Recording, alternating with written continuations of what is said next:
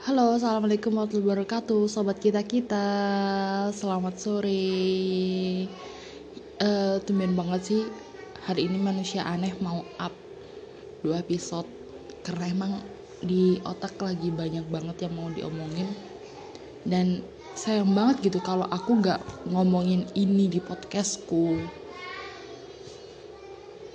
apa sih yang ada di otak gue hari ini banyak kan gue udah bilang itu banyak banget. Dan salah satunya adalah ini di episode ini yaitu keyakinan.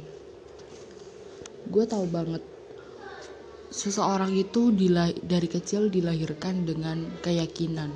Mereka lahir udah dengan keyakinan mereka mengikuti orang tuanya. Terus mereka dibekali sama ilmu-ilmu agama yang mereka pilih, yang mereka anut di keluarga mereka sampai mereka gede. Nah, waktu mereka beranjak dewasa, mereka di situ bisa memutuskan diri mereka mau tetap di agama itu atau mereka mau pindah agama. Tapi kebanyakan orang lebih memilih untuk bertahan pada agama yang sudah mereka anut dari lahir. Gue mau ngomongin tentang agama karena gue banyak banget lihat orang yang mereka beragama tapi mereka berperilaku bukan seperti orang yang beragama gitu loh. Agama itu mengajarkan semua hal. Gue Islam gue diajarkan semua. Di kitab suci gue Al-Quran yang dibawa Nabi Muhammad itu diajarkan semua hal. Mulai dari kesabaran sampai cari rezeki terus tata ibadah cara keyakinan, iman, takwa, akhlak, syariah, semuanya ada. Mungkin kalau di Quran kurang jelas, Nabi Muhammad sering punya hadis yang uh, diriwayatkan sama Bukhari, Muslim, Tirmizi, Abu Daud. Itu menjelaskan ke kita tentang Al-Quran yang lebih jelasnya. Ada tafsir Quran juga gitu loh. Kalau kalian bilang gue Islam tapi kalian gak sholat. Banyak guys yang kayak gitu. Dan menurut gue gak bisa dikategori sama hal yang wajar gitu loh. Kalian itu beragama. Kalian itu punya agama dan nanti kalau kalian mati kalian bakalan dikuburin secara agama kalian gitu loh. Apa kalian gak mikir kalau kalian gak pernah sholat dan segala macam ketika kalian mati orang gak mau menyolatkan? Karena dalam agama Islam seorang muslim yang gak pernah kelihatan mereka melakukan sholat waktu meninggal mereka gak boleh disolati. Tiga kali kalian meninggalkan sholat jumat sama dengan kafir. Islam menganut ajaran seperti itu dan aku pro sama itu semua. Aku melakukan semua yang diajarkan Islam meskipun aku pernah lalai. Di situ aku mikir apa yang gue dapatin waktu gue lalai gitu loh yang ada itu gue stres gue nggak punya ketenangan. Semakin gue jauh dari Allah itu semakin gue nggak bisa tenang. Gue selalu aja beruntun dengan masalah-masalah yang pastinya susah banget gue pecahin. Gue selalu stres gue kebanyakan nangis gue udah deh gue gila banget kalau gue jauh gitu. Waktu gue mendekatkan diri sama Allah gue sholat gue berdoa gue ngaji gue cerita sama Allah di sujud gue gue merasakan ketenangan ketenangan batin. Gue cerita ini berdasarkan pengalaman gue gue punya satu masalah yang sebelumnya gak pernah gue bayangin bakalan gue alamin. Di situ gue berdoa sama Allah kalau memang ini jalan Allah buat sadarin aku kalau aku jauh dari Allah aku nggak apa-apa. Tapi tolong lebih dekatkan aku dengan Allah dan terbukti waktu itu di permasalahan itu yang bener-bener sampai buat gue stres buat gue kepikiran bunuh diri buat gue uh, merasa kalau diri gue nggak berguna diri gue salah diri gue segala macam menyalahkan diri gue sendiri dan gue nggak mencintai diri gue gue berusaha buat mendekatkan diri sama Allah. Gue berdoa gue sholat gue curhat dan di situ gue menemukan ketenangan batin dan gue lebih mencintai diri gue sendiri. Pikiran lebih terbuka terus hati gue juga lebih plong. Hidup gue udah nggak sebeban dulu gitu. Apalagi di awal pandemi. Di awal pandemi itu bener-bener kita nggak bisa interaksi sama orang gitu loh. Yang kita interaksi ya sama orang rumah sama Allah. Yang lainnya itu via online. Kalau kalian merasa stres dan segala macem mungkin kalian kebiasaan interaksi sama orang terus kalian nggak interaksi sama orang jadi kalian jadi stres. Karena gue juga gitu tapi di sisi lain Allah mau kasih kita mujizat kayak gini. Kamu nggak interaksi sama orang tapi di sini justru kamu harus banyak interaksi sama aku. Allah kasih kita cobaan virus covid-19 gitu kan. Nah itu menurut gue cobaan. Kenapa cobaan? Iyalah cobaan. Lo diuji di situ kesetiaan lo sama Allah Allah pertanyakan apakah kamu akan selalu mendekatkan diri sama aku? Gitu. Gue percaya itu. Gue percaya itu. Gue ikhtiar. Gue nggak Eh, gak munafik. Terkadang gue kayak orang yang gak punya agama pikirannya. Kayak gue bodoh kayak gue bingung gue mau ngapain. Padahal gue punya Allah gitu. Gue punya Allah yang ketika gue sujud ketika gue berdoa yang pastinya Allah mendengarkan gue gitu loh. Allah itu pasti mendengarkan tapi untuk mengabulkan Allah punya waktu tersendiri waktu yang tepat buat mengabulkannya. Gue yakin itu. Tapi terkadang gue juga lupa sama itu. Gue coba mendekatkan diri sama Allah karena gue tahu semakin gue jauh semakin gue buruk gitu. Buat kalian yang mikir kalau uh, sholat dan segala macam kalau inget atau kayak gimana itu ya coba deh kalian 40 hari kalian sholat lima waktu. Kalian bakal nemuin ketenangan gitu loh. Gak ada beban. Semua diberi kelancaran. Gue udah melakukan itu. Pertama gue ngeliat di quotes salah satu Instagram. Di situ bilang kalau hati yang tenang itu hati yang selalu menerapkan bahwa Allah itu selalu ada untuk kita. Allah itu bersama kita dan kita selalu mencari Allah di setiap langkahnya kita. Itu quotes yang bikin gue kayak mikir iya ya gitu. Semua hal itu harus melibatkan Allah gitu. Semua hal itu harus melibatkan agama. Kita dari kecil diajarin agama kita dari kecil udah diajarkan kamu orang Islam. Orang Islam punya kewajiban sholat puasa zakat. Kamu punya ibadah-ibadah yang kalau kamu lakukan insya Allah Allah kasih kamu ridho gitu dari kecil. Dan menurut gue Islam itu baik banget loh. Agama gue itu agama yang terbaik. Kenapa kayak gitu? Karena Allah itu memberikan kita cobaan Allah juga memberikan kita pertolongan. Jadi gue kan lagi ngerjain skripsi gue searching uh, tentang yang namanya sabar. Ada di surat Al-Baqarah ayat 153 kalau nggak salah. Allah itu di situ menyerukan kalau e, mintalah pertolongan sama Allah itu dengan sabar dan juga beribadah. Dan Allah akan senantiasa bersama orang yang sabar. Nah kalau nggak salah isinya kayak gitu. Kalau salah ya maaf coba deh kalian cek di surat Al-Baqarah ayat 153 di situ bahas tentang kesabaran. Gue bil gue mikir situ iya Allah memberikan kita ujian tapi Allah juga kasih kita pertolongan gitu loh. Ujian dari Allah itu bukan ujian kayak ujian yang kayak gim kayak apa ya kayak memperburuk kita enggak. Justru ujian diberikan oleh Allah itu adalah ujian agar kita menjadi manusia yang lebih baik.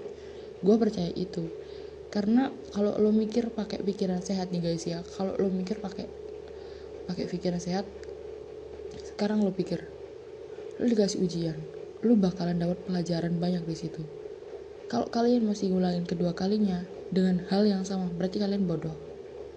Karena kalian udah pernah diuji kayak gitu dan itu gagal gitu loh. Seharusnya kalian harus memperbaiki itu menjadi lebih baik gitu loh dengan pelajaran yang udah kalian terima bukan yang malah melakukan kesalahan itu untuk kedua kalinya. Sama aja dong kalian udah nyemplung sumur terus kalian udah di atas terus kalian nyemplung lagi. Siapa yang mau nolong? Gak ada yang mau nolong kalau manusia. Tapi kalau Allah Allah pasti senantiasa untuk menolong kita ketika kita meminta pertolongan gitu loh. Kurang baik apa coy? Tuhan lu tuh kurang baik apa? Tuhan kita semua itu baik banget. Agama kita punya ajaran yang benar-benar detail agama itu semua agama gue percaya semua agama selalu mengajarkan tentang kebaikan semua agama entah itu Islam, Nasrani, Hindu, Buddha dan segala macamnya pasti semua agama itu mengajarkan kita untuk berbuat kebaikan. Kalau gue agak singgung yang lain ya. Kalau gue lihat temen gue, gue pernah ditanya sama temen gue. Menurut lu agama itu kayak gimana? Menurut gue agama itu adalah jalan gue. Sampai gue seperti sekarang. Kalau gak ada agama gue, gue belum tentu ada jadi diri gue yang sekarang gitu loh karena agama itu keyakinan dan pedoman gue pernah nakal gue pernah segala macamnya jadiin gue menyesal segala macamnya jadi gue stres jadi menyalahkan diri sendiri tapi di sisi lain gue berpikir kalau gue nggak dikasih penyesalan kapan gue kembali gitu loh. Ada satu lagu karyanya Hindia Baskara Putra judulnya Membasuh. Temen gue pakai lagu itu buat dijadiin objek penelitian skripsinya. Dan gue bener-bener dengerin itu that's right bener juga. Ada satu lirik yang tulisannya sempatkan pulang ke beranda.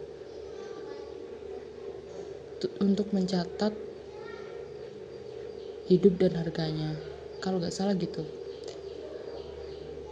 Maksudnya itu gue pahamnya sempatin lo lu harus balik ke yang maha kuasa. Di situ lo bakal laporan lo ngapain aja dan Allah akan berikan ganjaran dari semua perlakuan kalian. Entah itu pahala entah itu dosa pasti Allah akan memberikan ganjaran itu gitu loh. Kalau semua orang ditanya lo mau masuk surga atau neraka? Ya pastinya mau masuk surga lah tapi kenapa lu nggak ibadah? Ya itu pertanyaannya. Kenapa lu nggak ibadah? Gue ditanya lu masuk surga apa neraka? Gue mau masuk surga. Tapi kok lu terkadang jauh dari Allah? Iya gue akuin terkadang gue jauh. Tapi Allah punya cara tersendiri buat bikin gue balik buat bikin gue selalu dekat dengan Allah. Jujur gue ngomong gini termasuk gue memberanikan diri gitu karena gue gak pernah membahas tentang spiritual journey gue sama orang lain atau kayak gimana gitu. Gue lebih fokus perbaiki diri gue yang gue tunjukkan bukan kebobrokan dari diri gue yang sebelum sebelumnya cukup jadi pembelajaran gue dan di sini gue share tentang spiritual journey itu benar-benar kayak wow banget. Wow banget menurut diri gue gitu karena gue bukan tipe orang yang speak gampang speak up tentang pribadinya apalagi tentang spiritual journey gitu. Buat kalian semua nih yang beragama semua yang kepikiran buat pindah agama terutama orang muslim kalau kalian bilang aku menemukan ketenangan di agama ini di luar muslim apa sih yang membuat kalian berpikir seperti itu gue pernah tanya sama temen gue gue gue tanya bener-bener secara gamblang gue nanya. Waktu dia bilang enak ya agama itu mereka gak seribet kita. Di situ gue nanya emang kita ribet ya? Kita semuanya diatur loh kita tinggal melangkah aja. Semuanya udah diatur. Mungkin gue nggak paham sama agamanya mereka tapi yang gue paham gue berdiri di sini karena agama gue lu harus belajar agama cuy biar lu tahu kalau agama kalau Allah itu mencintai semua hambanya kalau Rasulullah menampung semua kesakitan umatnya di akhir ajalnya. Gimana tuh? Kurang baik apa agamanya kita kan? Kurang baik apa Islam sama umatnya? Semua agama itu baik. Semua agama baik. Mereka punya kepercayaan dan porsinya masing-masing. Kepercayaan dari umatnya, kepercayaan umatnya terhadap Tuhannya. Mereka punya itu gitu loh. Dan di sini gue ngeflorin tentang agama gue sendiri dan juga beberapa pemikiran orang tentang agama gue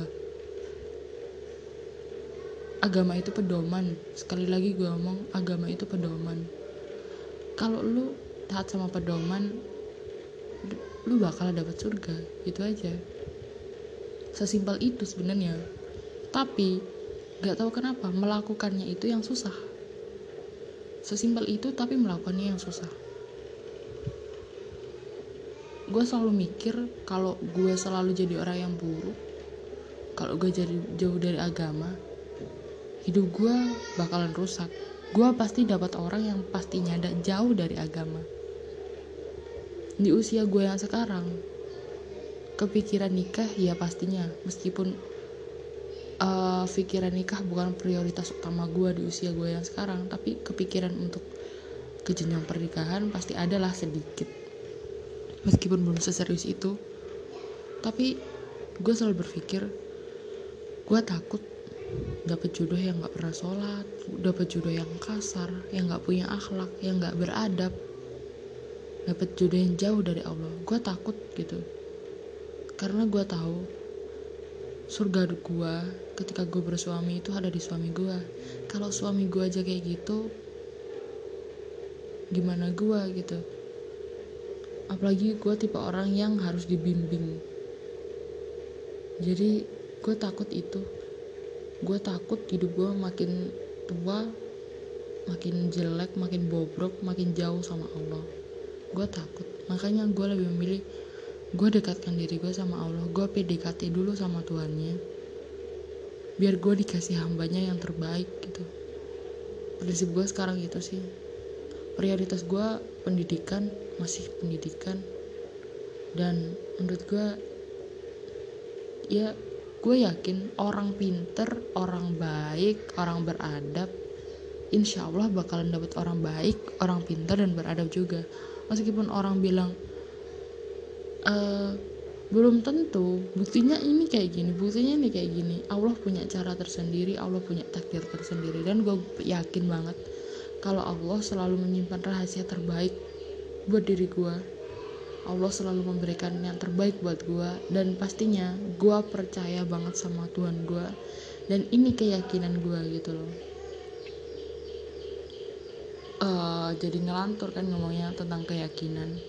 Tapi emang kalau kita berbicara tentang keyakinan semuanya itu bakalan seluas itu gitu loh. Mulai dari apa aja apa aja udah itu seluas itu keyakinan itu. Tapi kalau boleh jujur hidup berkeyakinan itu bener-bener hidup damai. Kalau kalian gak taat sama keyakinan kalau gak taat sama peraturan ya sama kayak pemerintah lah. Kalau kalian langgar lalu lintas bahkan kena denda. Ya itulah hidup. Begitupun juga beragama. Dosa dan pahala. Dosa punya adab punya karma pahala kalian punya surga. Tinggal pilih deh mau yang mana. Makasih udah nemenin ngocehnya aku sore ini. Udah dua episode. Langsung. Makasih banget karena ini adalah yang lagi gue pikirin yang lagi ada di otak gue yang yang dari kemarin pastinya uh, udah gue pikirin dulu sebelum gue ngomong. Karena gue takut efeknya jelek. Terima kasih. Semoga bermanfaat dan jangan lupa kalau kalian punya Allah kalau kalian sakit kalau kalian jatuh kembali sama Allah kembali ke rumahnya kalian kalian berdoa, kalian sujud, kalian cerita, Allah selalu menampung itu, Allah selalu mendengarkan kita. Dan jangan pernah berpikir kalau kalian itu dianaktirikan sama Allah, karena gak ada umatnya yang dianaktirikan. Sekian dari aku. Assalamualaikum warahmatullahi wabarakatuh. Sampai jumpa di episode selanjutnya.